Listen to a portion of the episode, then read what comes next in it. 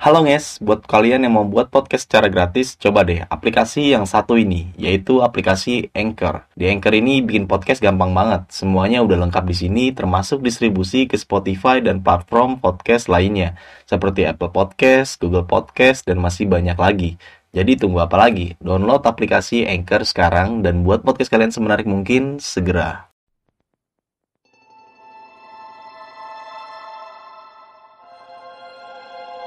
Kalau di situ ada jasad bayi yang ditemukan nih.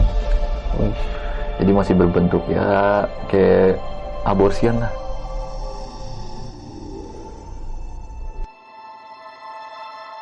Temen gua masuk ke kayak ke alam dimensi kerak-kerak begitu.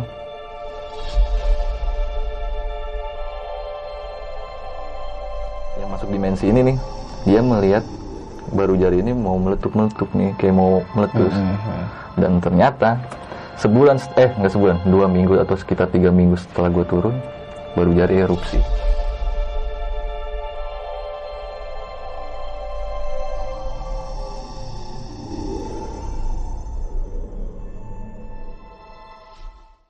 Assalamualaikum warahmatullahi wabarakatuh Balik lagi dengan gue Indra di besok pagi Sebelumnya gue sangat berterima kasih banget buat teman-teman semua yang sudah mensupport, menonton, mendengarkan besok pagi sampai saat ini Semoga teman-teman semua yang menyimak dan menonton, mendengarkan video ini selalu diberikan kesehatan oleh Tuhan Yang Maha Esa di kesempatan kali ini gue masih mendatangkan narasumber dan narasumber gue kali ini pernah menceritakan pengalaman pendakian horornya saat di Gunung Gede.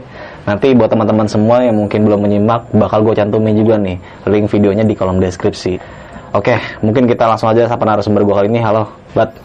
Apa kabar, Bat? Alhamdulillah Aduh, baik. udah lama juga nih. Iya nih. Nah, kali ini lu mau menceritakan pengalaman pendakian lu di gunung mana nih, Bat? Ya kali ini mungkin gue mau bercerita di Gunung Rinjani. Ya, Gunung Rinjani tahun berapa tuh, Bat? Gue tahunnya kalau nggak salah ya antara 2016-2017 gitu. Ah, gue lulus kuliah 2016. Nah, Oke, nih Bat.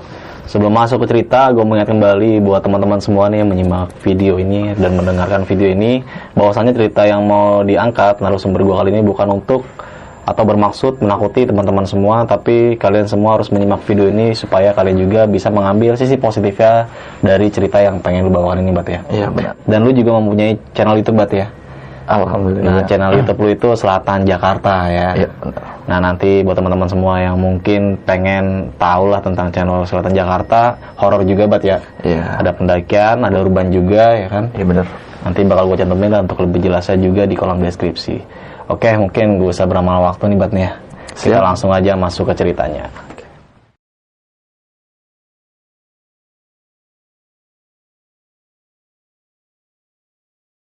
2016, 2017 lu sempat mengalami kejadian horor ya. Dan situ kejadiannya mungkin sangat gila banget. Bisa diceritain gak sih Bat untuk lebih jelasnya dari awal sampai akhir kenapa lu bisa mengalami kejadian hal tersebut? Jadi awal mulanya nih gue diajak nih. Jadi Nardi. Iya. Nardi ini punya planning buat ke Rinjani Agustus. Heeh. Dan gue mengiyakan nih karena gue turun cuti juga kan pada saat itu. Awal mula tuh gue berlima rencananya. Tapi pas ketika hari H biasalah ada salah satu nih yang kagak bisa ngikut nih. Kira gue berangkat berempat, gua, Nardi, Madun, Marker. Mm-mm. Itu gua dari Jakarta itu naik pesawat ya. Cuma gue turun di Bali karena di Bali ini ada temen dari Marker ini tiga orang janjian juga. Oke. Sebelum berangkat tuh gue packing packing alat kayak cross check cross check lah ya kan layak nggak nih alat-alat segala macam buat dipakai camping. Kira udah rapi tuh. Gue berangkat dari rumahnya Madun itu sekitar jam 3 jam 3 sore. Karena pesawat gue itu berangkat jam 6 tiba di bandara ini gue biasalah kayak masuk-masukin barang kan tuh. Cuma di situ ada kendala Ndra. jadi carrier gue ini melebihi batas Oke. muatan. Kan standarnya 15 kilo. Ternyata carrier gue ini lebih nih jadi 18 kilo. Kira kena charge lah ya kan. Udah rapi tuh ngurus semua berangkat lah. Singkat cerita nyampe Bali itu bandara Bali sekitar jam tujuh setengah delapan kalau nggak salah ya. Mm. di situ gue langsung keluar. Jadi gue stay dulu tuh di salah satu warung. Jadi gue udah keluar dari bandara stay di sana buat sarap buat makan malam dulu nih. Sembari janjian sama temennya marker ini. Ternyata temennya marker ini stay di kot eh Kute. Oke. karena gue jarak gue buat cuti itu kan cuma dapat 10 hari. Gue pengennya sampai di tujuan dulu nih Rinjani ya kan? Akhirnya janjian nih buat ketemu di pelabuhan. Cuma gue lupa lah nama pelabuhannya apa. Berangkat lah tuh gue berempat ini ya kan? Itu perjalanan 5 jam itu gue dari bandara buat menuju ke pelabuhan. Darat tuh. darat akhirnya nyampe di pelabuhan itu sekitar jam 12 malam. Ten- dan ternyata temennya marker ini udah stay di sana. Jadi tiga orang. Total gua dari situ tujuh orang nih. Karena perahu buat ke Lombok kayak ini adanya cuma pagi berang- keberangkatan akhirnya gue stay dulu di situ lah. Iya. ngobrol-ngobrol kayak malas karo Bali buat ngopi-ngopi ya. tiba lah nih pagi ya kan. Akhirnya pagi beli tiket berangkat lah gua berangkat perjalanan kurang lebih tiga jam apa dua jam gitu. Sampai di pelabuhan Lombok itu sekitar jam setengah sembilan pagi. Oke. kira gue makan dulu. Kebetulan kan juga gue punya kawan nih kenalan di Lombok. Iya. dia kayak buat jasa-jasa transportasi buat naik gunung apa segala macem. Dia yang ngolah. Kira gue janjian kan pas tiba di sana. Dan kebetulan beliau bilang mau nih jemput kira gue makan dulu rapi makan ngerokok. Ngabarin lah nih dia. Ngabarin sam- udah sampai di depan depan pelabuhan. Gue nyamperin tuh bertujuh dan ternyata dia bawa kolbak nih. Jadi gue tuh dijemput sama dia naik kolbak jadi gue nikmatin suasana Lombok ya. Dengerin suara-suara muratul Quran dari masjid-masjid ya kan sholawatan. Damai banget sih. Lombok lah ya. iya tadinya awalnya gue mau, mau langsung ke base camp Sembalun. Cuma gue pikir ah gue silaturahmi dulu nih ya kan ke rumahnya biar lebih enak lah adabnya ya kan. Mm-mm. kira gue bilang yaudah ke rumahnya dia ke rumah. Namanya bang Meler ya kebetulan. Kira gue ke rumah bang Meler di sana disediain makan sholat bersih bersih lah segala macem. Nah Nardi ngabarin nih dan ternyata temennya Nardi udah ada di Lombok nih tiga orang. Mm. Dia janjian juga sama Nardi buat naik ke Rinjani. Pas gua tanya siapa ternyata si Ega.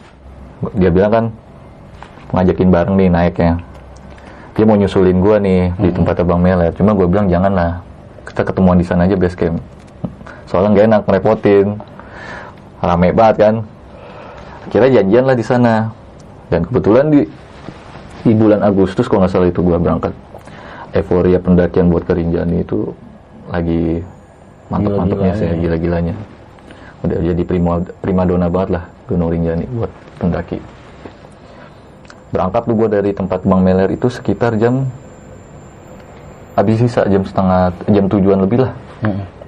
berangkat tuh pamitan sama orang tuanya Bang Meler. Nyampe lah nih gue di base camp Sembalun. Dan kebetulan Ega udah nungguin nih di depan base camp. Dan ternyata di sana di base camp itu penuh Ndra. Mm. pendaki pada stay di situ penuh. Gue kan nggak demen bukan nggak demen sih gue kayak kurang. Gue lebih demen keningan nggak demen Iya. tempat keramaian kan. Dan akhirnya bang Meler ngasih solusi nih. Ada nih base camp satu lagi. Cuman nggak jauh dari dari tempat base camp Sembalun. Gue nggak ngerti itu ilegal atau legal ya Mm. pada saat itu.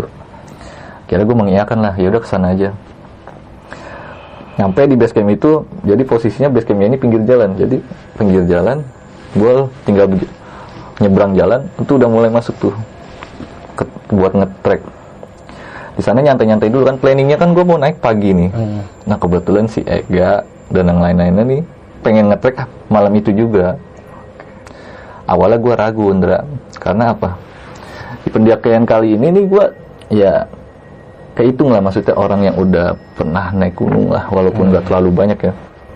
Gue ngurus si maksi segala macem tuh buat 10 orang. Nah jam 9 akhirnya kita berangkat Indra. Mm. sebelum berangkat gue briefing dulu segala macam ya kan. Packing packing out packing out packing logistik sekalian berdoa. Kira berangkat lah gue jadi posisi trekking perinjani itu biasa. Nabi emang gue suruh di depan. Mm. Dan gue posisi paling belakang nih. Jalan sekitar 15 menit. Sini gue nih kayak berat nih Indra. Gue nggak ngerti apa gue kecapean karena perjalanan dari Jakarta ke Lombok ini kan. Cuman di situ gue kayak gue lupa nih. Jadi lupa dalam arti gue lupa minta izin nih.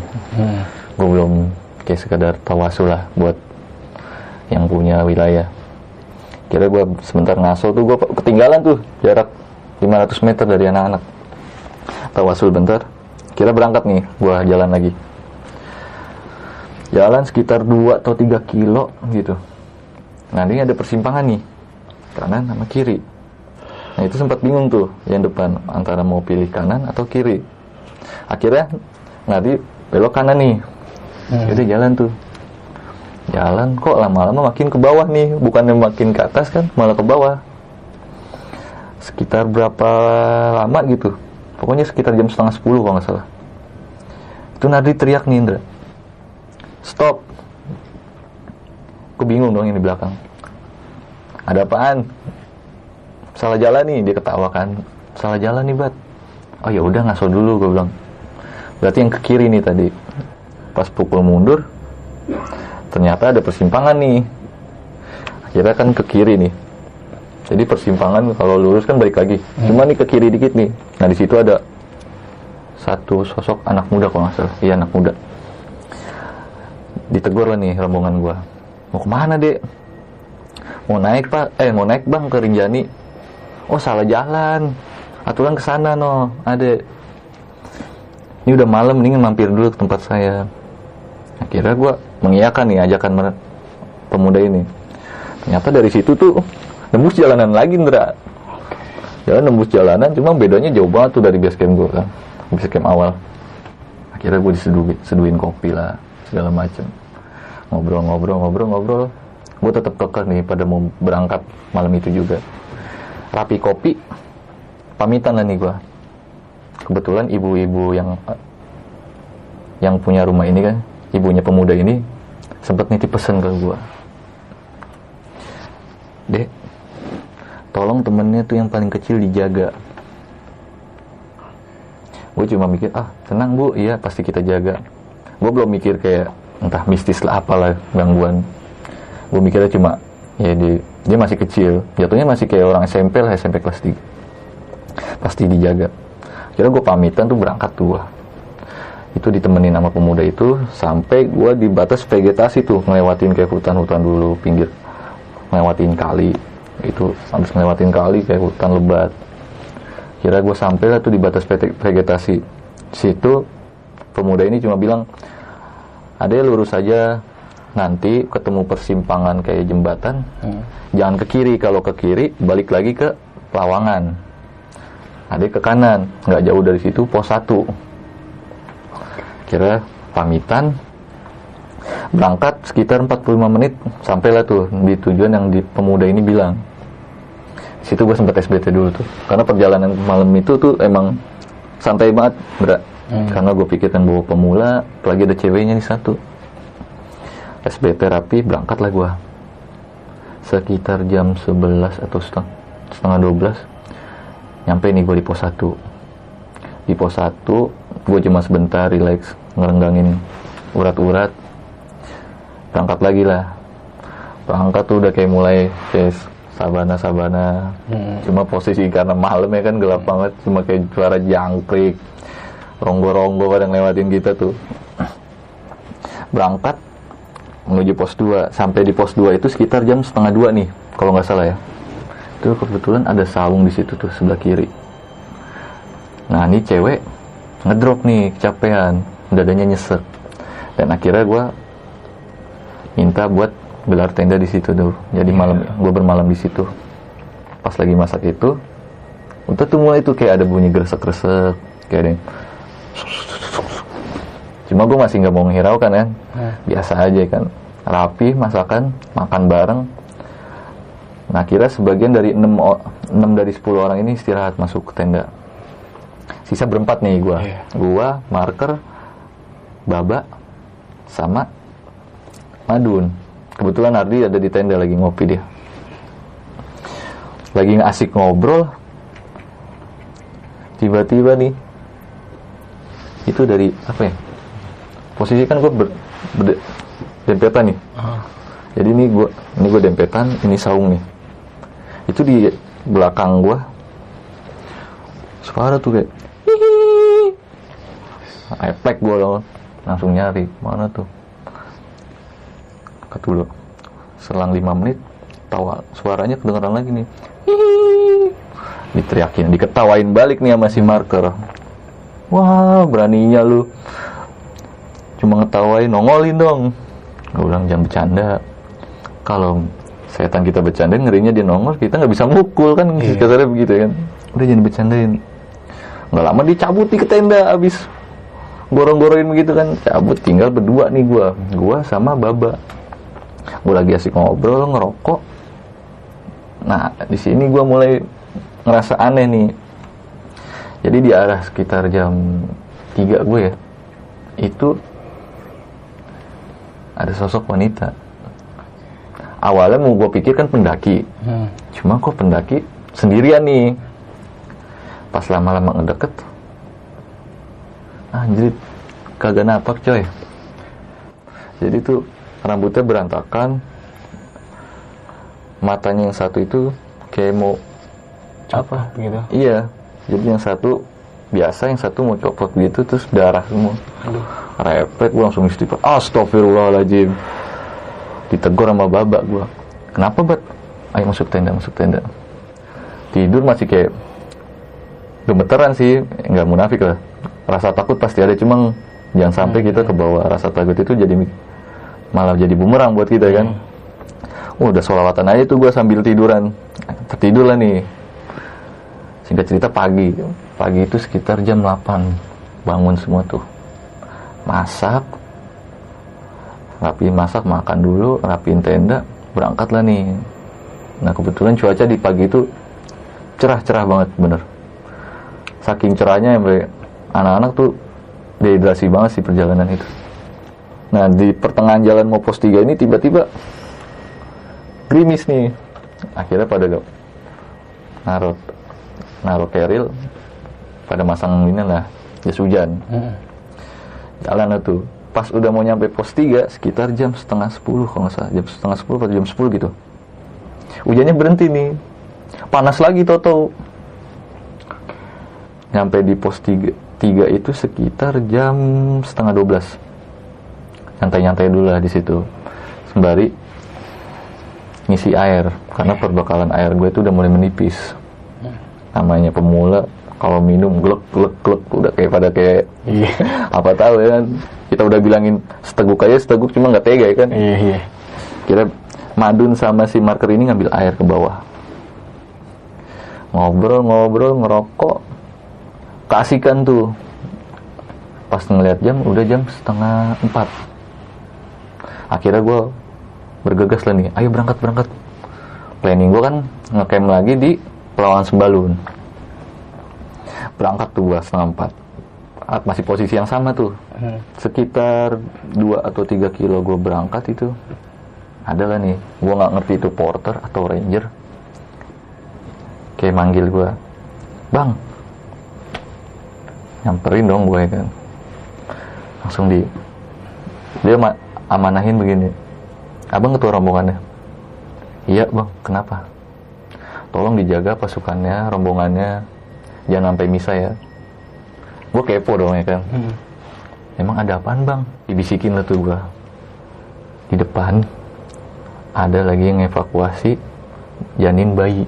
Aduh, wah, spontan kaget dong gua. Astagfirullahaladzim. Yang bener bang? Iya makanya dijaga. Takutnya ini bakal jadi malam yang gangguan. Itu doang takutnya karena Iya. ya siapa sih yang kasarnya rumah kalau dikotorin kan penghuninya marah ya kan Hahaha. ya sekedar ngamanahin begitu doang nih beliau gue masih nggak percaya tuh di situ Indra karena gue pikir siapa nih yang buang janin di sini kayak kurang kerjaan banget Ya gila sih. ngapain dibuangnya di gunung gitu loh kira gue berangkat nih ketemu lah nih Indra sama yang dibicarain ranger itu pas gue lewat emang di situ banyak nggak ngerti ya porter atau ranger di situ. Cuma kayak ada garis polisi gitu sih lain polis gitu. Hmm. nah yang di situ pada bilang istirahat di depan aja di pos 4 jangan pada berhenti di sini. Itu kayak emang ada kantong-kantong mayit ya. Hmm. gue pikir ini kali ini yang dibilang ya kan. Nyampe lah nih gue pos 4 setengah 6 atau jam 6 kurang lah. Pokoknya, pokoknya mau maghrib itu karena gue berhenti juga posisi udah mau azan kan nggak baik juga. Azan-azan tetap berangkat maksain jalan. Seenggaknya kita berhenti dulu lah sejenak. Iya. berhenti ngaso dulu SBT bikin kopi. Nah si Nardi ini ngambil air nih. Kan katanya di situ ada mata air. Nardi ngambil air sama marker nih. Lagi asik ngerokok ngopi. Ny nyampe lah nih dia di tempat anak-anak pada istirahat ini versi Nardi ya. Jadi kata Nardi ini dia dengar suara bayi nangis. Pas lagi mau ngambil air. Gue bercandain kan. Daripada aja. Daripada pada gimana maksudnya? Daripada gue parno juga ya kan. Kita gue bikin suasana santai lah kan. Halu kali lu. Gara-gara denger tadi. Enggak bat beneran serius. Udah hirauin aja. Niat kita baik kok. Naik.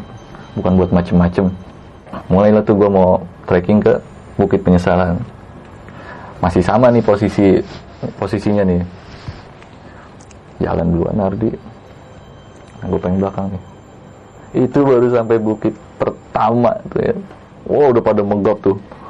Udah pada mulai ngeluh tuh yang pemula-pemula ini. Wah gila capek banget. Ini treknya bener nih. Emang posisi begini banget nih gue akuin. Sampai di bukit keempat kalau nggak salah itu cuaca mulai ekstrim tuh. Tiba-tiba angin tuh. Angin dari mana dari mana aja kenceng banget tuh. Kayak gue berasanya tuh kayak set keberot Iya. pas gue ngelongok ke atas kan ngeliatin pohon. Itu pohon segede-gede gitu bro. Hmm. wah gue mikir apa iya nih? Ngamuk. Penghuninya tadi dikotorin. Cuma gue masih kayak antara halusinasi sama inilah. Apa namanya Apa kecapean? bisa bi- bisa dibilang kecapean halusinasi atau pemikiran yang aneh-aneh lah kan Oke. jalan tuh tuh mulai kepis kepencar tuh Ndra. Nardi di depan berlima gue di belakang berlima nih itu udah mulai agak panik sih gua karena gue mikirin rombongan gue yang lainnya takutnya dia pada ngedon Hmm. ngedapetin suasana kayak gini nih gue bilang yang di depan woi jangan buru-buru santai teman lu banyak di belakang ya nih gue tungguin nih di pos di bukit kelima ya diem-diem di situ ya jalan lagi nih gue kebetulan itu lama banget tuh Ndra. dikit-dikit pada ngaso dikit-dikit pada masuk dan kebetulan gue bawa keril 100 liter Kayak bawa kulkas ya, Bang. Gue badan paling kecil tuh di rombongan itu. Badan paling kecil, keril gue segini nih dari badan gue, tinggi gue. Set lama banget gue ngaso juga makin berat, bergerak juga bergerak capek Iya. nih kan. Udah lah, air juga tinggal dikit tuh karena wah gila-gilaan sih minumnya pada. Ya kira gue nggak ngilangin aus ngerokok, ngerokok. Udah model gue mana dik, aus ngerokok, aus ngerokok gue ngerokok dah tuh udah yuk jalan yuk cuaca parah nih Hmm. emang di situ kan waktu itu gue juga bawa jam yang bisa ngedeteksi suhu ya sama ketinggian kebetulan suhu di sana itu sekitar 6 derajat kalau nggak salah. Dingin banget gue akuin dingin. Angin udah pada kayak orang angin ribut ya kan? Kira jalan nih pas mau nyampe bukit kelima salah napak lah nih gua. Mungkin karena beban gua keberatan kali ya. Salah napak. Glinding gua ke bawah. Untungnya bagusnya ketahan keril jadi ada po- pohon kecil itu kayak ketahan keril cuma posisi gua begini nih miring. Oke, tiduran begitu ya. iya. Gua masih wah ketawa doang tuh. Cuma nahan sakit nih dada gua. Sambil ketawa kok kaki gua aneh nih? Gua bilang buat napak sakit. Kira gua buka dulu lah sepatu gua. Pas gua liat ini emang engkel gua tuh se- sering bermasalah ya. Jadi geser nih Ndra. Aduh. Jadi yang kan nonjol sebelah kiri ya kalau Iya, kiri. iya. Ini yang malah yang nonjol yang kanan yang kiri mendelep Aduh. mata kaki gua.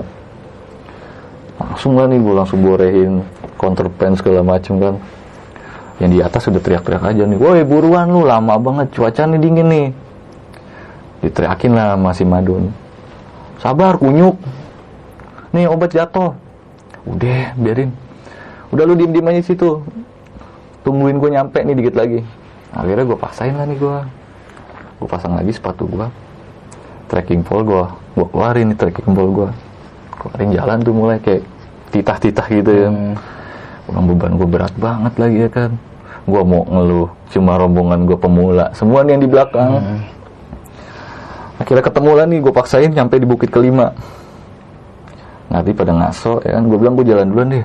Karena gue menghindari tengah malam ya kan. Ngerinya di atas gue nggak dapet lahan buat nenda. Kebetulan kaki juga nyeri banget kan buat napak pun. Gue jalan duluan digantian nih gue yang di depan rombongannya nanti yang di belakang. Pas nyampe di bukit ke-6 si baba nih udah mulai megangin perut ya gue pikir kan awalnya mah karena dia konsumsi mie nih pagi. Teriak tuh dia aduh. Udah ngeringkuk kayak gitu aduh. Gue tanya kenapa lu perut gua sakit banget. Sampai keluar air mata dia nangis. Nahan sakit. Panik dong gue ya kan? Kira gue gelar tenda lah mau nggak mau ya kan? Gue bilang gelar tenda dun. Digelar tuh sama marker berdua. Gelar rapi digelar gue pindahin lah nih masuk ke dalam. Kira gue bawain minyak kayu putih segala macam gue suruh minum obat nih. Kebetulan kan gue bawa obat-obatan ya.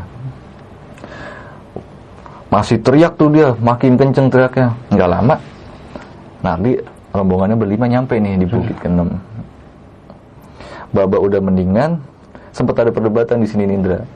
Ya mungkin ya karena ego ya. Balik lagi ke ego. Cuma karena karena gue emang tipikal kalau sama Nadi ini ya bebacot bebacot. Ya. berantem berantem cuma pagi Udah, udah, udah. clear. Awalnya pada masih gue pikir kan pada bercanda nih kan. Si Ega ini mau tetap lanjut jalan ke pelawangan pertama. Nah si marker ini bilang egois banget lu. Lu ngeliat tuh temen lu. Kesakitan tuh udah gue gelar tenda udah gelar tenda sini aja. Nah dia nyeletuk lah nih. Udah cemen banget. Eh sorry. Udah berangkat aja sih. Tanggung. Satu bukit lagi. Gue bilang udah sini aja. Ngapain sih? Anak-anak juga pada di sini. Mau ngapain? Nggak ke mana-mana kok gunungnya masih pada ngoceh tuh pada masih pada berdebat tuh. Akhirnya Madun bilang udah lu kalau mau sono sono aja lu. Biarin anak-anak sisanya di sini. Akhirnya Ega jalan nih. Kaget dong gua. Set, kok begini banget naik gunung temennya sedangkan nih Ega sama si Baba ini masih satu wilayah nih tinggalnya. Kok temennya ditinggal gue pikir kan. Dia bertiga jalan duluan tuh. Jalan gue lagi ngerokok Ndra. Lagi santai banget ngerokok sambil senderan di keril kan? Nardi lah nih bilang. Yaudah gue duluan dah ke atas. Kaget tuh gue maksud lu apaan? Gue bilang. Yaudah gue mau di atas aja bat. Ngapain di sini? Tanggung sebukit lagi. Eh mungkin gue capek juga kan, langsung gue bangun. Gue gue dorong lah nih dia. Mata lu buka, lu lihat temen lu. Temen lu kesakitan. Ini temen lu yang lu ke mana-mana bareng nih dari zaman sekolah. Lu tega ninggalin. Lu nggak, lu lihat di kaki gue. Ya bukan begitu, gue tanggung satu bukit lagi. Kasihan Ega nanti. Nah kebetulan kan nih mungkin lagi deket-deketnya nih dia berdua, ya kan? Gue nggak ngerti deh. Kira sempet kayak, lu anjing lu nyet gue itu. Apa yang lu dapet sih dari pendakian lu sebelum-sebelumnya ini yang lu dapet. Ninggalin teman-teman lu. Lu lihat lah, ini pemula semua nih, gue bilang gitu. Jangan lu sama ratain, gue bilang. Iya lah buat ayo tanggung satu lagi kasihan Ega. Lu lebih kasihan mana Ega atau temen lu tuh yang nemenin lu tuh ke mana-mana bareng dari zaman sekolah? Kira kayak sempet mau berantem tuh gua. Lu kalau bukan temen gue pukul. Ego lu gede banget gue bilang akhirnya kan gue kayak mikir ah ya udahlah. Ini kalau mau dua-duanya make ego yang ada berantem beneran nih ya kan? Kira gue bilang ya udah lu naik naik deh. Lu bawa rombongan. Tuh lu jadi total berempat. Sisanya berenam di sini nih sama gua. Lu gak usah mikirin. Nanti ketemu lagi di atas. Yang penting lu kasih tahu lu niat camp, eh, ni- niat buka tenda ini di pelawan berapa. Kira kayak dia bilang sorry ya bat. Udah hal biasa. Nggak bilang kalau masih pakai ego berarti lu belum dapetin pengalaman pembelajaran dari pendakian lu selama ini. Ya pemula ingat waktu lu pemula kayak apa? Ada temen lu yang ninggalin lu? Enggak sih. Cuma gimana? Ega gue kasihan temen gue juga. Ya Ega gue tuh kenal juga gue bilang. Udahlah gak usah bi- dibikin bingung gak usah dibikin berdebat gue bilang. Gue udah capek gue bilang. Udah lu naik aja nggak apa-apa tinggalin aja. Akhirnya dengan berat hati dia ninggalin lah nih rombongan yang berenam ini. Ah. dia naik tuh bareng Ega. Mau nggak mau gue ngurusin itu. Orang ber- berlima ya kan. Sedangkan di situ cuma ada marker nih yang ber- hitungannya sering juga naik gunung sama gue akhirnya gue masih bisa ngandelin dia lah nih. Gue bilang ker bikin air buat ngangetin badan. Sama bikin makanan apaan kayak terserah lu. Rapi bikin tuh dia. Nih bat makan. Ayo makan rame-rame nggak lagi enak-enak makan sakit perut lagi nih si baba. Udah megangin begini nih aduh gue mau pulang gue mau pulang. Lah gue kaget. Lah pulang? Mau pulang gimana? Ini di tengah hutan di gunung mbak gue bilang. Gue nggak kuat banget kata dia. Akhirnya dia mulai ngaku tuh. Lu tahu kenapa dia bisa sakit perut kayak gitu? Pikir anak-anak kan mah ya. Iya. ternyata dia habis operasi seminggu sebelum ini. Waduh. Operasi usus buntu apa ur- tu- turun bro gitu. Kaget gue kan. Waduh. Nggak berkelima nih kayaknya nih gue bilang. Gue mau ngasih obat apaan nih ya kan? Bekas penahan nyeri operasi nggak ada gue ya kan? P, P3K di stok gue itu nggak ada. Gue mulai muter otak kan apa nih? Gue kasih apa ya kan? Akhirnya gue kasih CTM lah nih dia. Ah. ini minum CTM sekali dua biar lu ngantuk karena kan CTM ngantuk ya. Ini obat apa? Udah ya, tenang aja. Bukan obat-obatan terlarang kok gue bilang. Kira diminum tuh dua sama dia. Gak lama lima menit lagi pada ngobrol tiba-tiba puas dia. Gue pikir alhamdulillah ya kan kelar nih satu urusan gue ya kan. Pada ngajakin keluar nih keluar tenda. Keluar tenda.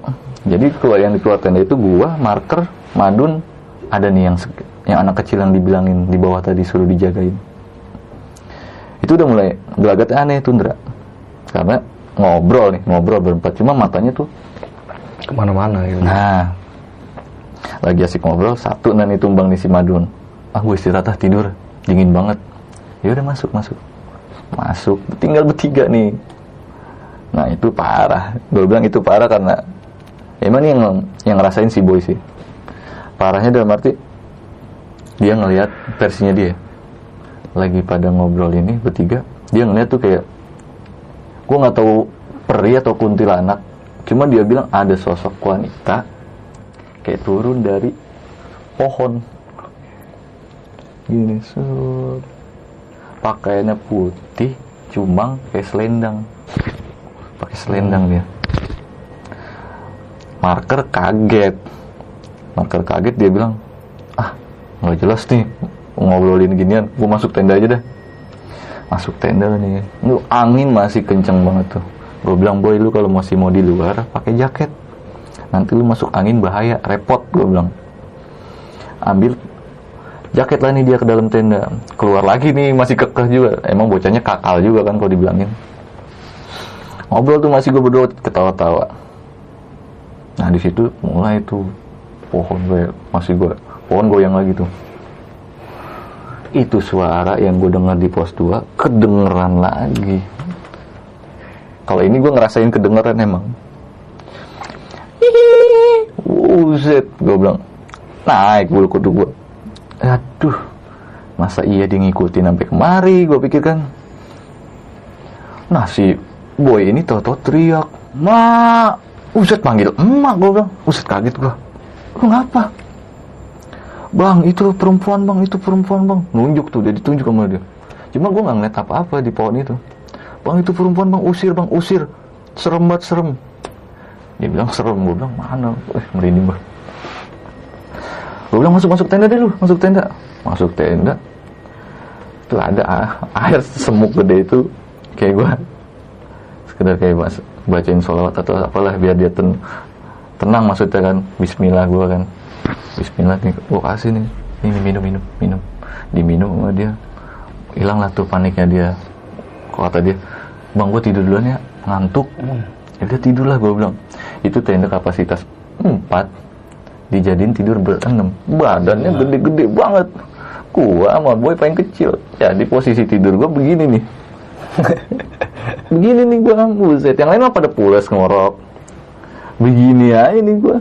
Setengah enam pas batu setengah enam gua mulai badan gua pada pugel kan kaku kan ada tidur begini. Akhirnya gua bangun ini. Woi gantian tidur lu. Gantian. Marker lah badannya kan gede tuh deh gantian gantian. Belum tidur nih gua. Kira gue tidur gue pules dah tuh. Itu stok air udah nggak ada sama sekali Indra pada keausan pada malam itu. Makanya pada tidur. Nah gua kebangun lah nih sekitar jam setengah sembilan. Bangun anak-anak ternyata udah pada di luar nih itu kaki gue masih masih berasa nyeri tuh gue inget banget. Masih nyeri kan. Pas gue keluar tenda itu air aku yang satu setengah liter ada empat botol tiba-tiba tuh di tenda di luar tenda. Gue tanya dong nih ini air dari mana nih? Si baba ini nelpon pihak base camp minta dibawain air. Eh, dapat sinyal itu buat ya. dapat masih alhamdulillah. Karena sampai pelawangan satu itu masih pada dapat sinyal masih pada foto-foto segala macam kayak nelpon keluarganya kaget tuh kok mau ya? Orang base camp dari bawah ke bukit ke enam ini bawa, bawa air sama rokok. Karena stok rokok sama air itu benar-benar udah habis tuh malam itu. Gue tanya harganya berapa? Ternyata lumayan bro. Berapa? ya pokoknya lumayan lah dapet lah. Kalau buat ongkosnya beliau dong bisa buat beli rokok 4 bungkus mungkin. Kayak satu ros bungkus rokok. rokok Marlboro harga mau Marlboro ya bisa lu kalkulasiin lah. Eh, set mahal juga ya gue bilang. Daripada aus banget ya gue pikir ya gue pikir kan ah ya babar duitnya banyak ya kan. Nah. kebetulan kan dia juragan juga kan. Ya gue duit buat dia mah gak ada serinya kan. Ya udahlah. Gue minum tuh biar banyak ya glek glek glek ya orang dari malam gue minum air putih jarang ngerokok mulu ngilangin aus gue minum tuh sampai setengah botolnya gue minum ya kira masak tuh masak indomie. Udah pokoknya malam itu eh dari pendakian awal berangkat sampai mau bukit sampai bukit ke itu konsumsi gue mie mulu mie. Sedangkan gue tuh nggak bisa makan mie mulu tuh. Iya. karena gue punya riwayat lambung kan. Udahlah mau nggak mau makan daripada nggak keisi perutnya makan rapiin tenda. Berangkat nih gue sekitar jam 10 pagi. Berangkat tuh gue bilang marker ker gue jalan duluan temuin anak-anak yang di depan yang di pelawangan gue duluan nih bat iya. Ternyata udah bat si baba bilang gue duluan deh bat gue ngeri perut gue sakit lagi. Pada jalan tuh gue rapiin tenda tuh masih nah kebetulan ditemenin sama si Madun nih. Hmm. kenal lalu Madun ya Iya, Wadun. ditemenin sama dia kan. Rapihin nah, ketemu lah nih dua pendaki cuman dari luar negeri. Kalau nggak salah Rusia atau Belanda gitu. Ya mungkin kan gue juga sedikit bisa bahasa Inggris cuma Hmm. nggak terlalu pasti lah. Dia ngelihat kaki gue nih di perban. Karena pada saat itu gue belum pakai sepatu. Disamperin lah nih dia dia kayak me- menawarkan kayak ngasih pengobatan kayak pemain bola tuh yang kayak disemprot-semprot Oh iya, iya. Iya, dia bawa itu kebetulan. Kira disemprotin lah tuh kaki gua. Terus kayak diurut-urut dikit, gua nggak ngerti dia. Boleh lokal apa boleh luar negeri. Kok enak urutannya gitu kan. Belajar di Cimande mungkin gua bilang. Tuh enak kan tuh Ndra. Akhirnya pas gua cek kaki, wah enak nih. Bisa buat napak nih. Kira gua buru-buru pakai sepatu, gua rapin alat, naik lah nih. Ternyata marker nungguin gua nih di pokoknya tengah-tengah mau ke bukit eh pelawangan pertama itu dia nungguin gua. Gue jalan tuh berdua nar eh madun. Nah kebetulan nih orang jalannya setapak dua tapak setapak dua tapak break. Iya. setapak dua tapak break. Gue beban berat banget ya kan gue teriakin. Don lemot banget lu. Jadi laki. Buruan apa maksud gue kan biar dia pemacu dia nih biar semangat ya. Eh dia malah ngegas. Hmm. udah lu duluan aja tinggal gue nggak apa-apa. Ntar juga ketemu sama anak-anak. Gue pikir eh lu kata gunung kayak di mall masih bisa dicari. Kalau lu nemuin. Kalau kagak sedangkan lu perta pendakian lu ini pertama kali. Gua sewot gua samperin Dra. Gua turun lagi tuh. Gua tendang pantatnya. Lepas carry lu. Udah tinggal gua aja. Lepas gua bilang udah tinggal gua aja ntar juga ketemu kalau kata dia. Lepas lepas akhirnya gua lepas gua lepas paksa tuh carry dia. Udah lu naik naik naik. Buruan daripada gua ngomel kira dia dengan berat hati dia naik tuh. Cuma gue nggak mikir nih siapa yang mau bawa nih carrier nih? Carrier dia ya kan. Gue pikir kan carrier dia kapasitas 70 nih. Wah berat juga nih kan. Nggak mungkin nih gue bawa dua. Pas dia naik lu beneran mau bawa carrier gue udah lu jalan duluan gak usah mikirin gue pas gue bawa lah enteng. Gue bilang lu bawa apa aja dun? Perlengkapan gue dong. Eh buset. Ngapain lu bawa carrier gede-gede? Gue bilang. Segini lu bilang berat nih. Berat ya gue kata dia. Kan gue pemula. Biasa begitu. salah juga nih gue berdebat sama orang kayak dia kan? Nah akhirnya mau nggak mau gue bawa Andra. Jadi tuh posisi gue mau naik ke pelawangan pertama itu bawa belakang gue carrier 100 liter depan gue 70 jadi gue jalan begini dikit-dikit ngelongok dikit-dikit gue geser begini ya kan? Sedangkan treknya naik nih ya kan? Akar mulu tuh. Jalan setengah jam. Disusul nih gue sama porter. Gue bilang set masa iya gue kalah sama porter ya kan? Porter pakai bo kayak orang jualan zaman dulu tuh pakai Iya, kayu gitu. Set bawahnya bebannya banyak banget kan semangat bang. Gue digituin sambil bercanda dia. Lu kayak bawa beban enteng banget ya bang ya gue bilang. Udah biasa saya bang. Udah semangat bang. Semangat pala lu dalam hati gue gue udah ngap banget ini. Akhirnya gue teriakin tuh marker ker lu cepetan susul nabi suruh turun bawa keril madun. Wah lu bawa dua keril kaget tuh dia pas ngelongok ke bawah. Yakin lu bat udah lu cepetan susulin nabi suruh turun. Kalau nggak mau turun tonjok gue bilang. Iya iya iya kira udah tuh dia jalan berdua tuh. Gue jalan santai buat bener-bener. Setapak dua tapak berhenti. Mana nih treknya nih men? Udah mau nyampe Nabi baru tuh ngomong bat bat. Ih anjir baru nyampe dia baru nyusulin ya kan? Kaget kan dia spontan. Astagfirullah lu ngapain bawa keril dua? Ada lu no lemot. Gue udah lapar gue bilang gue pengen kena nasi. Udah seharian gak pernah makan nasi gue kan? Kira sini sini gue bawain. Gue kasih lah yang 100 liter. Tuh lu bawa tuh. Kira gue bawain punya Madun pas dia mau. Set berat ya ya lu berasain dah ya kan? Bayangin aja. Di bandara aja 18 kilo. Pas di bawah mau ngetrek ditambahin lagi logistik. Berapa berat ya kan? Di bawah sama dia ya kan? Naik. Nyampe lah nih gue nih alhamdulillah banget di pelawangan satu. Tadinya kan mau ngecamp di pelawangan tiga ternyata penuh nih. Kira di pelawangan satu. Nyampe tuh di tenda ada makanan gak nyet? Gue bilang. Gue kan kalau manggil Nabi asal aja kan. Ada makanan gak nyet? Ada no gue sisain di tenda. Pas gue buka tenda itu yang pada rombongan gue udah pada makan lahap apa tuh udah kayak kambing keramat. Pas gue longok tuh di Nesti saya tinggal kuah doang nih sayur sop nasi kering. Ya Allah gue bilang. Makan enggak makan enggak daripada enggak makan ya kan. Ah gue makan aja udah. Sedih banget tuh gue makan sendirian ya kan Tau dia dia kayak bebein gue nih Sinardi nih gue bikinin agar. Ya udah sini gue makan ya kan gue makan agar. Itu pada foto-foto tuh wih cakep ya cakep ya puas ya gue bilang. Kata dia tuh pada kebayar nih lebih kebayar nanti no kalau lu bisa nyampe puncak. Terus kapan kita ngetreknya nih? Ah, sebagian pada nanya begitu. Besok pagi jam 12 kita jalan. Kaget deh pada baru ah jam 12 gila kali lu.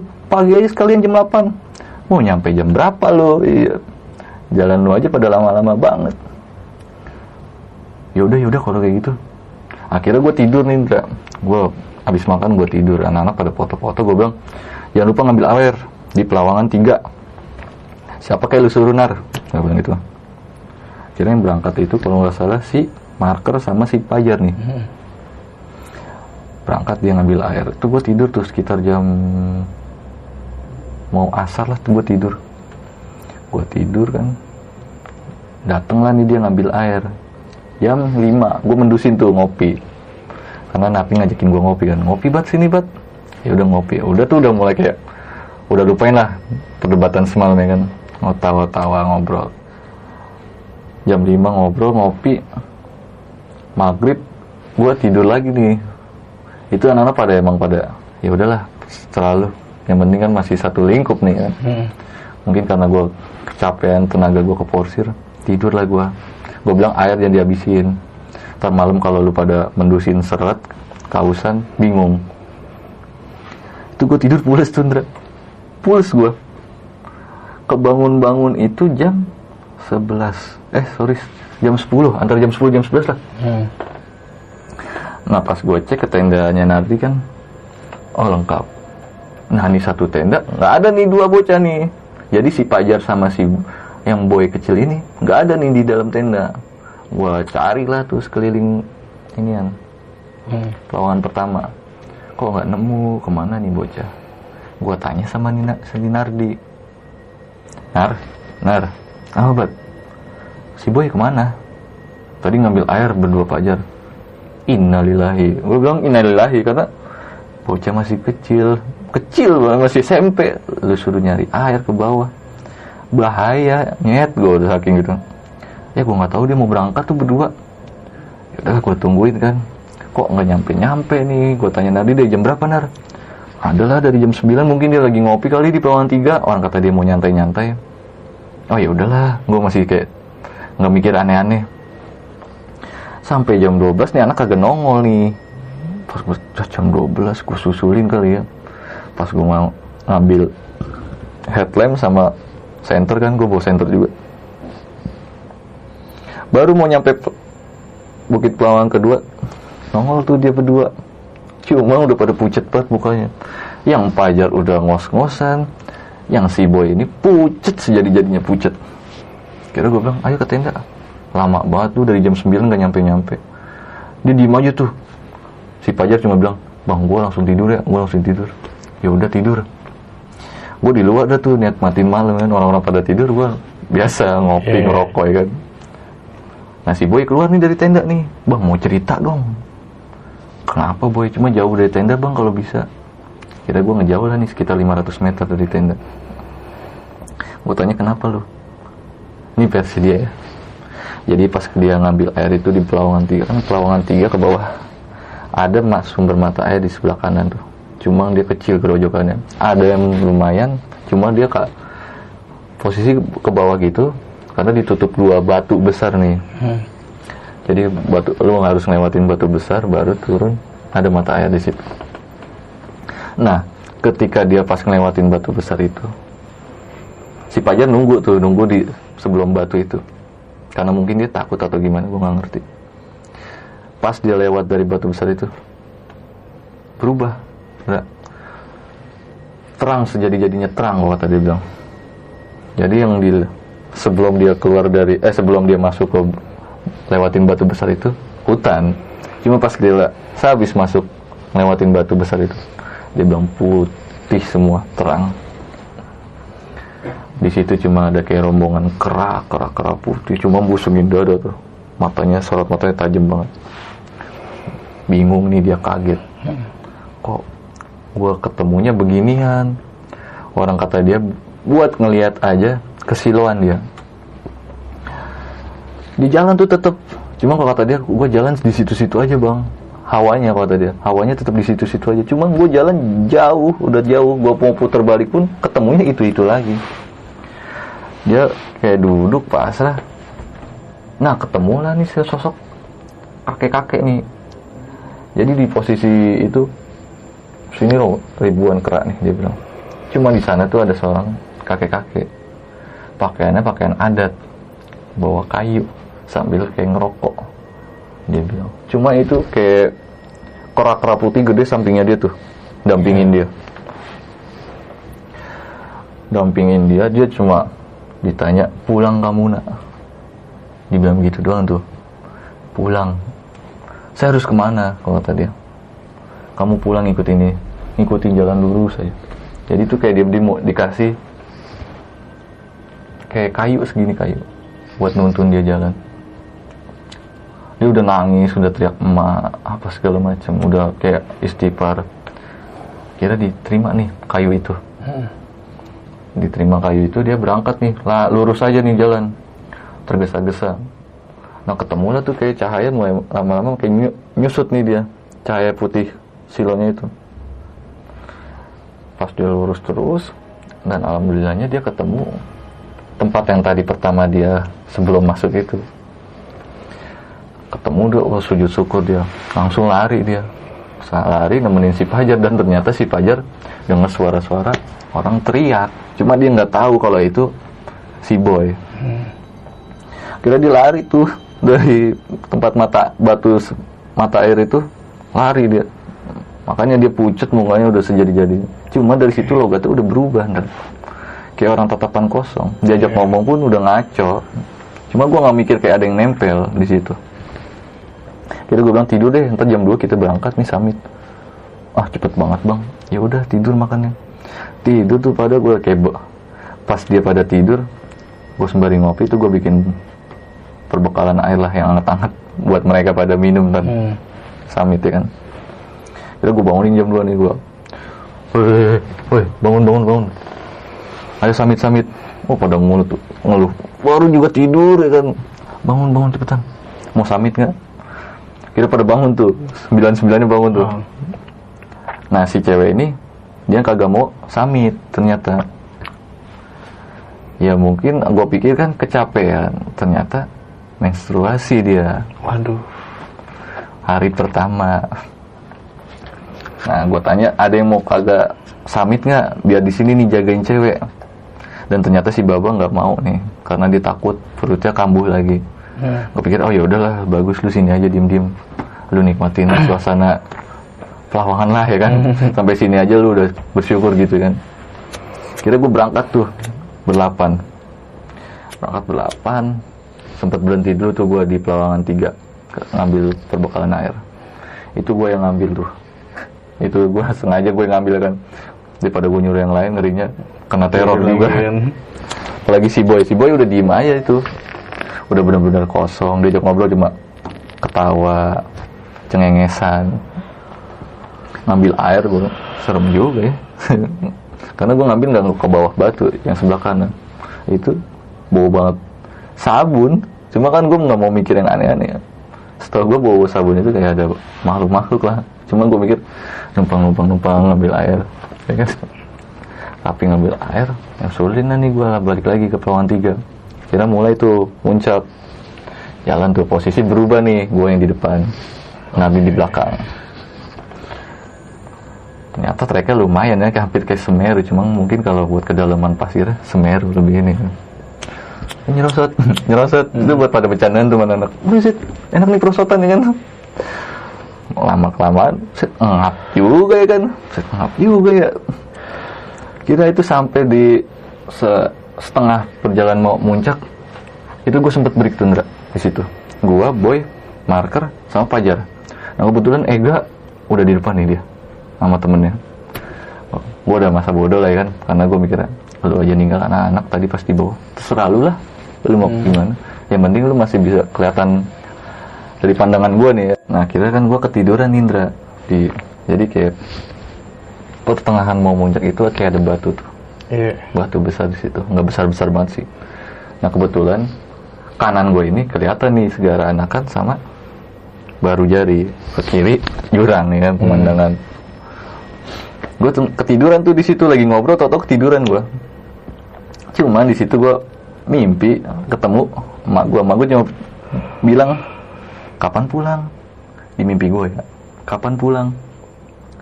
Tiga kali tuh dia ngucap emak gue kapan pulang? Nggak lama gue dibangunin nih. Sama si boy. Panik tuh dia mukanya. Bang bang bang bang. Bangun bang. Bang bangun bang. Gue bilang apa sih? Liatin dong bang. Yang gue lihat kan ke kanan kan dia nunjuk ke kanan ya. Yang gue lihat tuh baru jari ketutup awan mulu tuh atasnya kan. Cuman dia bilang bang itu gunung aktif gak sih bang? Ah gue kurang paham dah. Gue baru pertama gue bilang bang itu tadi gue lihat kayak mau meletus gitu meletup meletup kayak mau keluar api kata dia. Hmm. ah yang bener lu. Halu kali lu. Beneran bang. Gue ngeri meletus dah dia bilang gitu. Udah lu dari semalam ngaco gue bilang. Janganlah jangan dibawa mikir yang aneh-aneh lagi kan. Udah kita jalan aja. Itu nanti di bawah tuh. Dia gantian tuh. Ngejagain madun buntutin madun.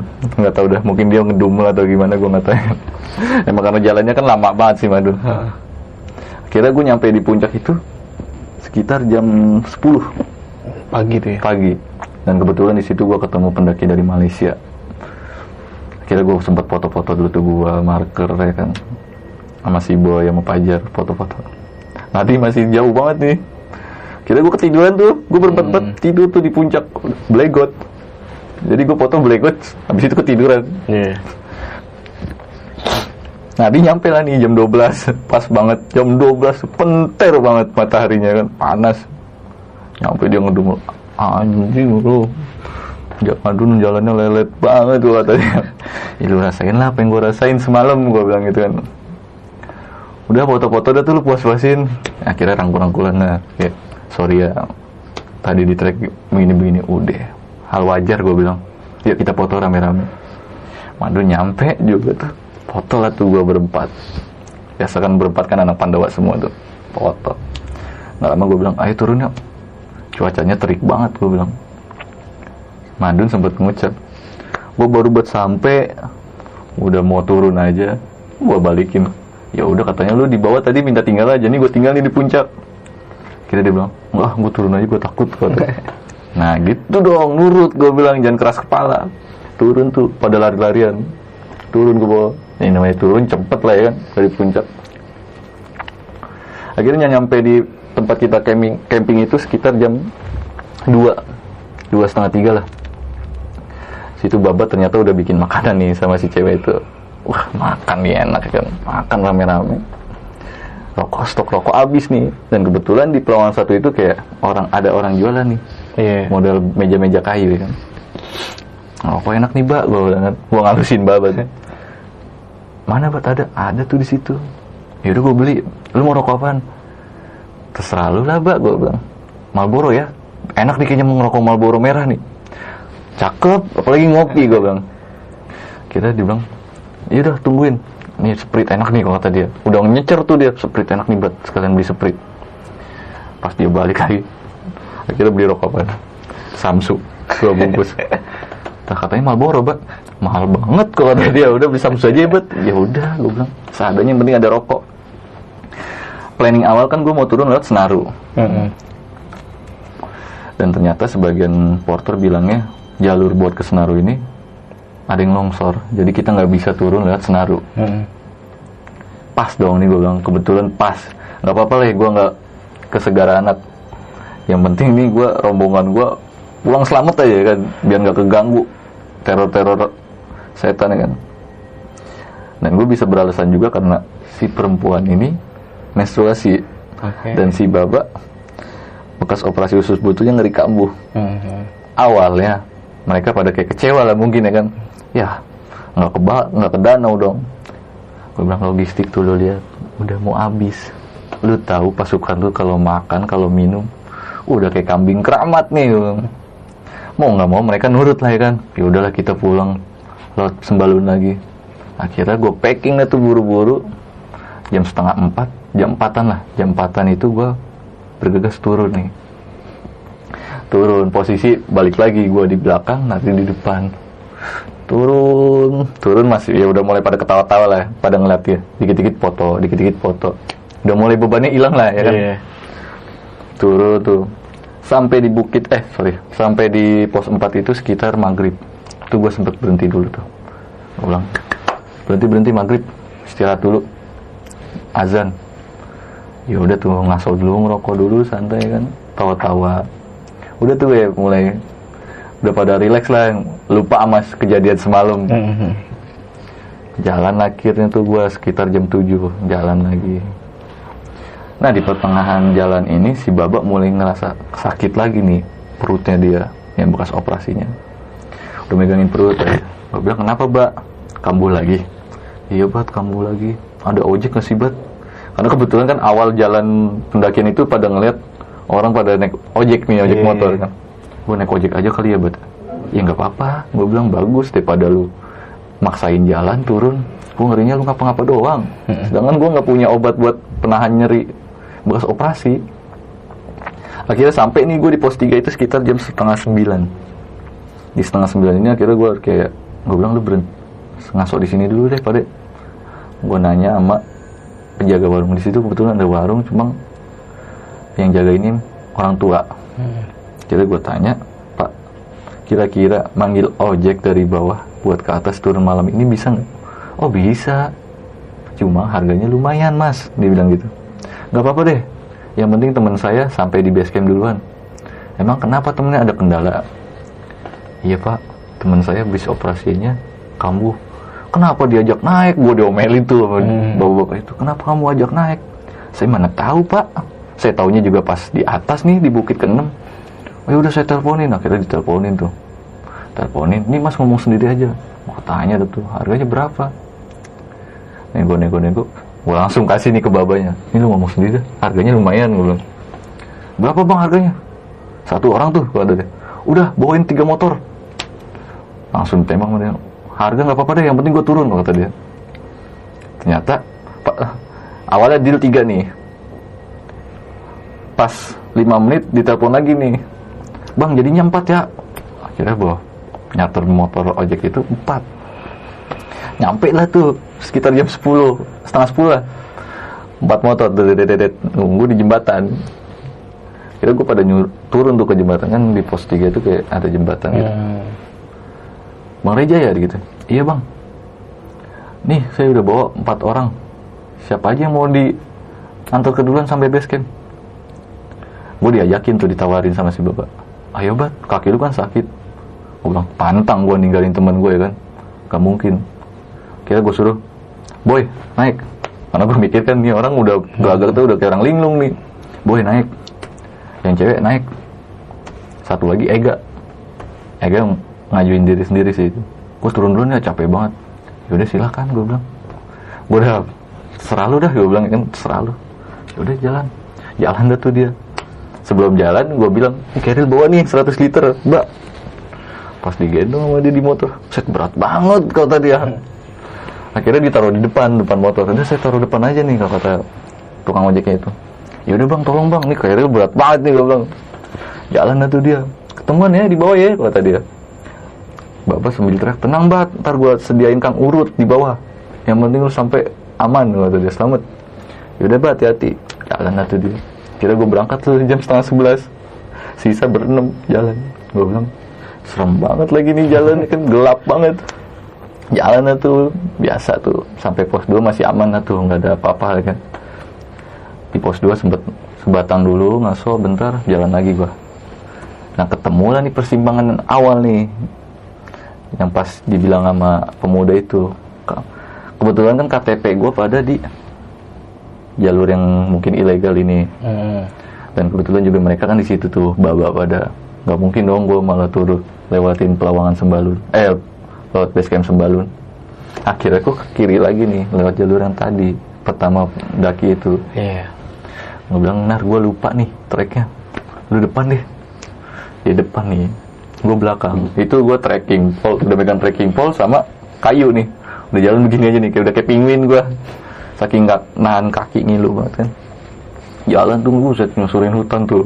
Itu mulai suasana udah pada mulai diem tuh nggak ada yang pada ngobrol. Pada panik mungkin ya kan. Jalan tuk tuk tuk tuk tuk. Ini posisi bini ngeliatin hutan atau begini nih. Ih, itu pada kaget ngelihat orang pada duduk. Gue pikir kan bukan orang. Karena gelap banget kan. Pas dilongok Kenapa bang? Oh kaget anak-anak pada loncat. Astagfirullahaladzim. Gue bikin bukan orang bang. Itu berenam tuh dia. Bang lu ngapain bang di sini? Bukannya di atas? Enakan di sini bang. Ngapain jalan buru-buru? Itu pendaki juga mau naik. Si Kita camping sini aja dulu santai. Gunung gak ke mana-mana kok kata dia. Kira gue halusin bang. Bagi bang. Haus banget gue Ya kan? Sempet ditanya tuh bang kaki lu ngapa bang? Ngapain lu bawa dua Bawa trekking pole sama kayu Ya bang nih gue jadi penguin bang Gue bilang gitu. Lu jatuh ya bang? Iya tadi bang di bawah Gue bilang. Eh di atas. Akhirnya ngobrol bentar. Pamit nih gue turun. Itu udah jam 12 Setengah satu. Jalan. Udah jauh banget Gue pikir itu jalan jauh banget. Dan ternyata nyasar. Iya, jauh tuh pak. jauh udah jauh nyasar modelnya begitu. Balik lagi nanti ketawa. Bat nyasar lagi bat ya kan? Itu masih kayak mungkin dia nyairin suasana ya kan? Hmm. ya gue ikut ketawa kan? Anjing lo ya. Udah jalan jauh-jauh nyasar lagi sempet ketawa. Oh ketawa emang tuh suasana udah mulai lembab sunyi udah kayak mencekam lah. Hmm. dalam artian mencekam ya. Akhirnya ngerokok dulu deh ngerokok ya kan? Ngobrol-ngobrol canda-canda Madun udah mulai ah lama banget sih mau buru-buru turun gua nih sampai base camp gua mau mandi gerah capek. Akhirnya pukul mundur lagi nih. Pukul mundur lu lumayan jauh kan tuh kan. Akhirnya ketemu lah nih alhamdulillah percabangan. Kan awalnya gua ke kanan ternyata kan jalur aslinya ke kiri. Hmm. kira gue ambil yang ke kiri nih. Pas diambil kiri tuh jalannya pada mulai buru-buru tuh enggak sedangkan gue kan jalan nggak bisa buru-buru kok jalannya pada main cepet-cepetan nih ya kan? Wah, awalnya gue di sini rombongan paling terakhir di sini ternyata udah di sono nih. Gue ambil batu gue timbuk lu jalan buru. Jalan cepet-cepet gue timbuk nih. Ternyata pada makin cepet nih. Gue timbuk mau nggak mau kan? Woi berhenti mau ngeliat gue nih. Pas dia nengok bat buruan bat buruan. Ada apaan sih? Udah buruan buruan. Jalan tuh gue nyusulin tuh buru-buru. Udah akhirnya gue dititah nih kanan kiri Hmm. jalan dititah ayo bat buruan panik lu ya gue bilang ada apaan sih udah buruan buruan akhirnya berhenti tuh jadi posisi hutan lebat jadi kayak posisi nurun begini nih Indra Hmm. Nah di situ ada pohon gede banget nih. Itu gue ngerti itu pohon gede banget. Nah sempet sempetnya itu anak-anak berhenti di situ. Padahal posisi pada merinding di situ. Lagi sempet duduk diri itu pada kayak ngasuk. Jalan nggak nih? Apa istirahat? Jalan nggak nih? Istirahat nggak? Itu dari atas tuh. Gue nggak ngerti itu api apa gimana. Lewat kuncung banget. Kayak bentuknya kayak bola api. Wah, bulu kuduk pada merinding nih sampai ke sini nih. Ayo buruan, buruan, buruan, buruan. Langsung tuh nggak bu, nggak pakai bahasa basi tuh pada. Ayo buruan. Wow, ditentem gini gue nih. Gue kayak orang loncat-loncatan ya kan.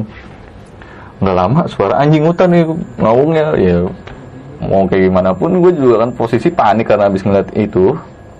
Posisi anjing hutan suaranya serem nih kan. Wow, makin panik ya kan. Buru-buru tuh jalan.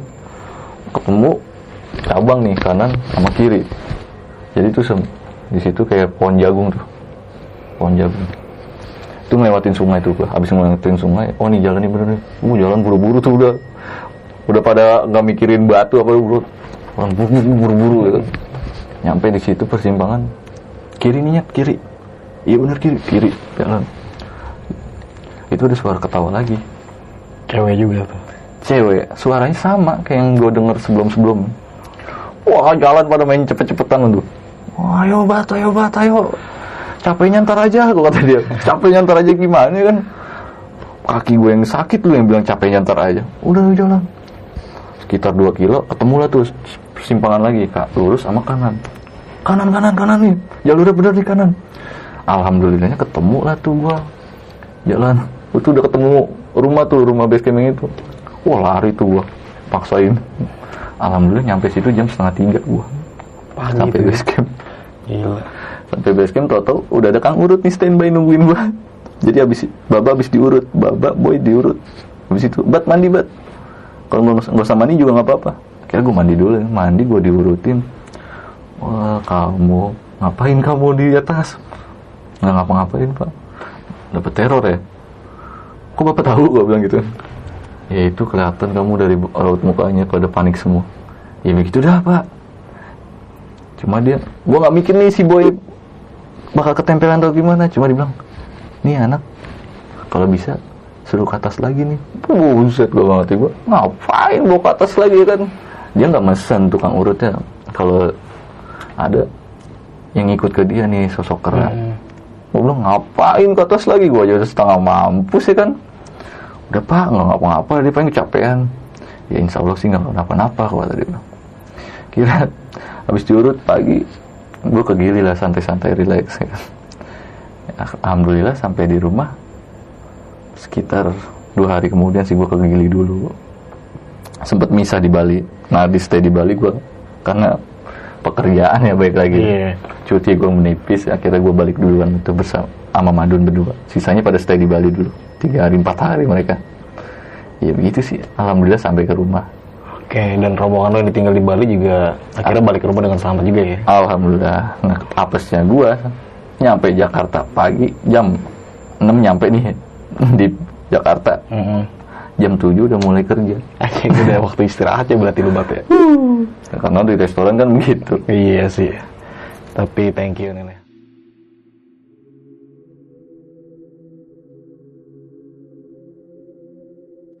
Oke, nih Bat, thank you Bat lu udah mau berbagi cerita pengalaman pendakian horor lu lo ya. Saat di Gunung Rinjani tahun 2016 2017 lah ya antara tahun itu lah ya. karena gue lupa mungkin Nadi lebih inget Oke, nah lu waktu berangkat dari Jakarta itu enam orang atau berapa? Sorry. awalnya berlima Oke. cuma kan akhirnya yang satu nggak bisa ngikut nih berempat Akhirnya berempat dan lu ketemu teman-teman lu yang lain di Bali sama teman di Lombok ya. iya jadi di Bali ini tiga orang di Lombok tiga orang Oke, dan itu emang udah ada informasi sebelumnya ya kalau lu bakal naik akhirnya 10 orang itu. Awalnya gue nggak tahu kan ke- Oh. kebetulan yang ngurus semuanya itu Sinardi Oke. karena kan gue lagi sibuk di gawean gue banyak event gue serahin semua ke Nardi Mm-mm. Berarti dari awal perjalanan tuh udah terjadi miskom lah ya. bukan miskom sih emang Apa sih? gue kayak ngasih ya udah gue percaya sama lo lu urus Oke. Dan lu sampai di Lombok baru tahu kalau teman pendakian itu 10 orang ini ya. iya nah yang lebih parahnya gue taunya ini pas di atas Oke. ada yang sakit perut lah ada yang ah Dan itu lu nggak tahu sama sekali informasi beberapa orang yang tadi lu katakan adalah pemula, nggak tahu juga tuh sebenarnya. nggak tahu. Gue pikir kan di Bali ini nemuin temennya si Marker awalnya mau stay bareng di Gili. Mm-mm. dan kebetulan ternyata dia mau ngikut nih ngelihat gue pada bawa keril pada safety safety banget.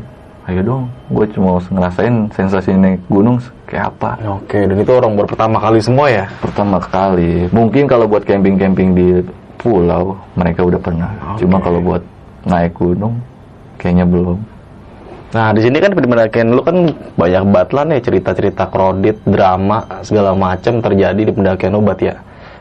Gimana tuh, Bat, eh, lu menanggapinya tentang pendakian lu saat itu? Khususnya buat teman-teman lu itulah. ya awalnya sih gue bilang ke mereka nih ya nih sekali aja nih karena lu pemula nggak sebenarnya gue nggak mau ngizinin karena ya jauh-jauh juga kasihan Iya. kan karena naik gunung kan bahaya Men- menurut gue kalau buat pemula nggak rekomen lah kalau buat kerinjani. Apalagi ngerasain apesnya itu. Mm-mm. nemuin janin di sana ya kan. Mm-mm. dan kebetulan mungkin penghuninya nggak suka ya kan. Habis lah kita kena teror. Dan kebetulan rombongan gua. Yang kena ya. iya awalnya gua ya pikir ya udahlah gua nikmatin. Tuh gua juga nggak pengen nemuin seperti ini kan. Mm-mm.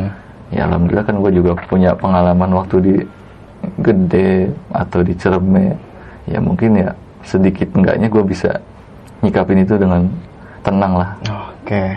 Nah, kejadian yang janin ini, Bat, eh, itu ada kayak informasi dibilang juga sih kalau janin itu dibuang oleh pendaki atau orang warga lokal sekitar atau gimana? gue sih nggak banyak nanya sih Indra karena gue mikir udah gue cukup keep silent aja lah Oke.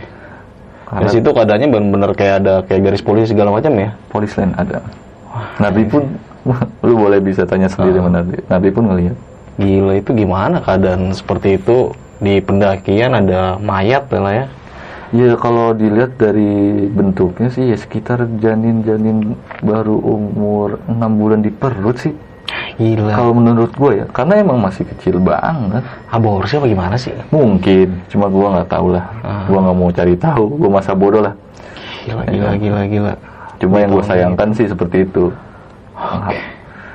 lu buat apaan sih ya kan kalau lu berani ngelakuin sesuatu harusnya lu berani tanggung jawab Iya. kasarnya seperti itu Dan kejadian aborsi mungkin udah nggak asing ya lah di negeri kita ini ya kan. itu cuma orang-orang cemen Iya. itu Dan yang gue heran nih sampai ngelakuin aborsi di gunung tuh kan apa faedahnya ya kan? ya mungkin dia mau nyari aman atau gimana Hmm. cuma niat banget tak, ke gunung kan lu bisa buang ke mana kayak Iya, gila kata gue. Tapi setelah kejadian itu banyak lah ya, bahkan sebelum belum nemuin ada kejadian janin yang dibuang itu lu ngalamin teror juga tuh bat ya Iya. kayak sosok kunti itu bat nah si boy ini kalau boleh tahu gue dia orangnya pekaan atau gimana Enggak. Jadi gue tahunya itu setelah naik. Mm-mm. Set- Di Gili sih dia sempet cerita. Mm-mm. Jadi itu dia kayak punya apa ya? Dibilang pakaian bisa, dibilang pegangan juga bisa. Oke, makanya selama pendakian itu yang selalu ngerasa hal-hal Aneh. aneh itu si boy ini ya. Iya. Bahkan sampai dia ngelihat masuk ke apa tuh? Ya kerajaan kera lah ya. Iya. Kerajaan kera sampai ngelihat sosok wanita dia juga tuh. Karena sempat gue baca kayak cerita-cerita tentang Rinjani sih awalnya sebelum pendakian. Emang ada sebagian pendaki bilang ada di situ ada kerajaan kera. Cuma kan gue ya itu mitos. Mm-mm. Cuma gue nggak mau nanggepinnya itu dengan terlalu serius, terlalu panik ya kan. Dan ternyata ya pak apesnya gue ngerasain rombongan gue ya bukan walaupun bukan gue yang ngerasain masuk ke dimensi seperti itu cuma Ah. panik juga lah walaupun gue baru kenal Dan boy itu umur berapa, Bat kalau tuh? ya waktu pendakian gue 2016 2017 itu pokoknya posisi dia tuh seumuran anak SMP kelas 3 si bocah banget ya. asli orang kecil petakilan Heeh. wah gue mana gue demen sebenarnya sama, sama dia gue sama Nardi sering bercanda sama dia tuh pas pendakian Hmm. ya mungkin apesnya dia itu Oke, dan gue nggak mau bahas tentang karakteristik beberapa teman pendakian lu nih, Bat, nih ya. Ya. Karena yang tahu itu ya lu aja lah ya. Tapi keadaannya saat di tadi diceritakan beberapa kejadian drama yang terjadi di tim pendakian itu ya udah nggak asing ya. Ya bagaimana kita menyikapinya ya mungkin menurut gue pribadi kita harus memahami karakteristik masing-masing teman kita tuh. Mm-mm. Apalagi lu naik ya benar-benar nggak tahu teman lu yang belum pernah naik lah kan Iya. dan lu ketemu di Lombok dan itu gua nggak mau bahas lah ya mungkin teman-teman yang menyimak eh, bisa mengambil yang penting sisi positifnya dan keadaan saat itu lu sampailah ke puncak nih bat nih di puncak lu semua melupakan kejadian-kejadian drama teman-teman lu itu lah ya kan Ya karena gue kan ka- kenal Nardi sama rombongan Pandawa gue ini udah cukup lama lah dari zaman Hmm. sekolah. Dan kebetulan gue sering jalan juga mereka. Hmm. Sebenarnya ha- hal seperti itu udah wajar. Iya. Maksudnya dalam arti wajar, ya emang udah sering seperti itu. Cuma ya debat, debat, debat, celetuk, celetuk, celetuk, paginya udah Hmm. nggak ada apa-apa. Gitu aja. Nah, Oke sampai pada akhirnya lagi-lagi si boy nih yang melihat tadi eh, gunung yang mau meletus itu bat Baru jari. baru jari dan itu akhirnya terjadi ya Iya, kalau nggak salah dua minggu, dua minggu atau tiga minggu setelah gue turun. dan itu meletus. Meletus. gila sih mak gue mak gue paniknya untung lu naiknya bukan itu hari. Ah. coba kalau naik di itu hari. Halus lu kalau tadi kalis. Gila. dan gue baru mikir wah gue inget ini yang di boy, oh boy omongin nih wah set, berarti bener nih dia nih. Bukan halu. Awalnya gue pikir kan halu ya kan? Sekarang masa iya? Lagi pula kan itu selalu ketutup awan. Kalau mu- dari pandangan gue ya baru jari itu selalu ketutup awan. Dan lu gak nyangka eh, bisa meletus setelah lu turun itu ya? Iya, itu yang gue kaget. Dan pada akhirnya lu turun kembali juga dalam kondisi yang sangat kredit nih. Tapi pada akhirnya lu ketemu teman lu di pendakian itu ada teman lu yang care lah ya si Baba ini ya. Walaupun dia juga nggak sampai puncak nih Bat Iya karena ya mungkin dia balas jasa atau gimana Iya. ya. Karena ya emang gue bisa baca karakternya dari awal itu care dia sama orang. sampai dinyewain 4 ojek berapa duit tuh? Nggak ngerti deh. emang lu nggak sempet tanya gitu Gue nggak mau nanya karena gue pas awal denger aja gue nggak mau nego. emang berapa kira-kira harga Sekitar adalah seratusan lebih, 150-an lebih. 150 ribu satu ojek tuh ya Iya. dengan jarak berapa kilo sih 3 kilo ya Lebih lah dari pos 3 ke bawah. Oh sampai base camp Iya, gue kira sampai keluar sampai pos 1 doang enggak sampai base camp. Bener-bener depan base camp. kalau buat motor ya sekian lah lumayan harganya ya Lumayan, makanya gue langsung, nih bang ngomong sendiri. ya kan? Daripada gue pikir takut gue ngelebih-ngelebihin, mendingan lu langsung nego nih ya kan. Mm-mm. Dan akhirnya dia bilang, udah nggak apa-apa, saya bersedia. Bisa. Duit Tapi pas lu turun nih ya ketika si Babo udah naik ojek lah itu berempat lah ya kan. Di situ kan sempat terjadi kayak ada apa ya namanya ya cemburu sosial lah ya kan. Cemburu sosial dalam artian yang tadi lu bilangin ada ojek empat tapi yang naik siapa nih ditawarin nggak mau. Jadi kita jadi kecemburuan sosial sampai akhirnya lu turun berenam tengah malam juga. Dan itu mengalami kejadian yang sangat gila sih menurut gua. Kesasar juga. kesasar juga ya kan. Dan sosok dari cewek ini masih ngikutin lu juga tuh ya suara-suaranya Suaranya, cuman dia nggak menampakkan. Suaranya doang. oke yang gua pengen ulas ini tuh bat yang sosok api itu tuh itu Banaspati atau gimana Nggak ngerti gua. dan Karena itu semuanya ngelihat sebagian gua si temennya si Ega tuh ada yang cowok ngikutkan turun Mm-mm. bareng gua. Dia si Pajar sama si Marker. gila Itu cepet banget. Kalau per detik tuh orang hush. Cuma nyala. Bentuknya bulat cuma nyala. Wuh, wah, panik sejadi-jadinya gua. Kalau bisa lari gua lari itu. Ah, kondisi lu juga lagi cedera ya kan? Iya. Pokoknya udah ah, pokoknya mau gua mau buru-buru sampai dah. Nah, sampai pas lu ketemu rombongan pendaki itu ya, yang pas turun tuh, yang lu ngira tadi ya setan, Oh, yang pada ngaso. yang pada ngaso, sampai ke base camp itu berapa jam tuh, Bat? Ya bisa tiga jam. Gila, lama jam, juga dua ya. jam, dua jam, tiga jam lah. Di tengah hutan tuh ya. Hmm.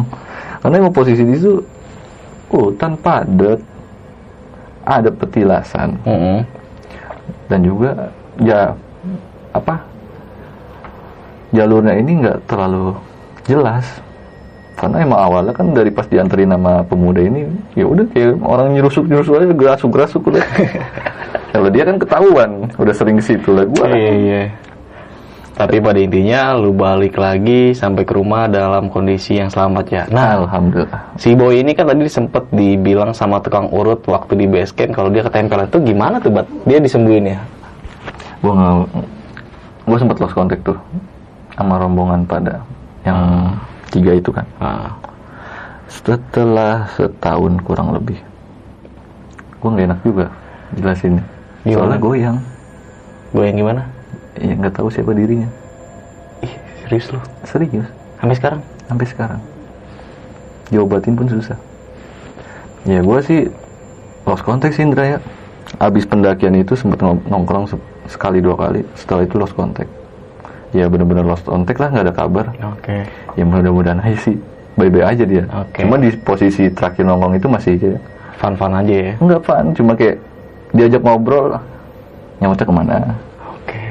Masih linglung. iya Oke, semoga si boy ini selalu dalam keadaan sehat ya sampai sekarang ya. ya amin Oke, nih Bat, eh, sampai pada akhirnya lu pulang ke rumah bisa sendiri karena gak bisa dipungkirin kerjaan juga nggak bisa ditunda-tunda ya. Nah. Dan gila lagi lu sampai Jakarta jam 6, jam 7 lulus gawe, wah itu gila banget sih nggak ada waktu istirahatnya. lebih gilanya lagi ngeliat di grup Oke, gimana tuh? kita kerja capek belum tidur. Ngeliat anak-anak pada nge-share foto itu lebih gila sih. Anjing lu masih pada santai ya kan? Gue Iya kan teman-teman pada di Bali kan? iya. Gila, pokoknya kejadian pendakian di Gunung Rinjani pada saat itu sampai saat ini nggak bisa lu lupakan ya. iya. Jadi cerita yang akhirnya cerita ini diceritakan di sini. pembelajaran. Pembelajaran juga ya. Dan teman-teman semua yang menyaksikan dan menonton mendengarkan video ini semoga bisa mengambil lagi-lagi gue mengingatkan sisi positif ya yang buruknya buang jauh-jauh bahwasannya cerita yang lu ceritakan kali ini hanya sekedar berbagi pengalaman lu aja bat ya ya Oke. Sebelum akhiri cerita nih, Bat, lu punya pesan-pesan nggak sih buat teman-teman semua nih? pesan ya kalau dibilang pesan ya cuma paling pesannya nggak banyak-banyak sih Andra karena akhir-akhir ini kan banyak pendaki-pendaki yang main asal aja ya. Iya. asal nggak nggak banyak basic pengetahuannya kalau bisa ah, basicnya dipahamin sebenarnya jangan jangan meremehkan jangan asal Mm-mm. karena di gunung itu bukan kayak lu ke mall gitu Mhm. kasarnya lu harus permat lu matengin mental lu mantap dimantepin persiapan lu Oke. karena ya risikonya besar banget sih ya Iya. bahkan setelah gua pun kadang masih kayak nggak berani gitu buat bawa-bawa pemula apalagi kalau harus ikut-ngikut ya, rombongan-rombongan yang sompral lah kadang masih rasa was-was guanya Iya. Baik lagi kalau gunung itu bukan tempat taman bermain lah ya. nah ya Kita itu lagi mengacu adrenalin. karena yang gua tangkap dari pembes setiap gua mendaki gunung itu bukan proses nyampe puncaknya Ndra. Hmm. karena gue dari dulu tuh diajarin naik gunung itu buat mengenal karakter lu pribadi Oke. Bukan mengenal kekurangan karakter temen lu. Oke. karena yang kita bisa sikapi di, di hutan di gunung lu bisa nih. Sapa hello bisa kayak kental nih sama orang baru. Cuma ketika lu di kota ya lu nggak bisa meraktekin itu. Kadang gue suka belajar dari situ sih. Nah, nggak harus pilih-pilih temen lu harus ya lu kenal baru ya lu harus bisa benar-benar harus bisa ngentelin. Mau gimana balasannya dia nanti ya udah biarin aja yang penting gue meraktekin buat diri gue sendiri Oke. Jadilah pendaki yang cerdas, pendaki yang bijaksana, nggak cuma di gunung aja, kalau bisa lu terapin di rumah lu juga ya, di mana pun kita berada ya. di mana pun karena ya balik lagi apa yang lu tanam bakal lu tuai nanti Oke. Oke nih, mungkin cukup sekian pembahasan gua bersama Obat saat pendakiannya di Gunung Rinjani tahun 2016 antara 2016 2017 Obat ya. iya Dan jangan lupa juga nih di subscribe channelnya dari Selatan Jakarta. Nanti untuk lebih detail dan lengkapnya bakal gue cantumin di kolom deskripsi. Dari gua mungkin itu aja. Kurang lebih mohon maaf. Saksikan video-video berikutnya dari besok pagi. Wassalamualaikum warahmatullahi wabarakatuh. Waalaikumsalam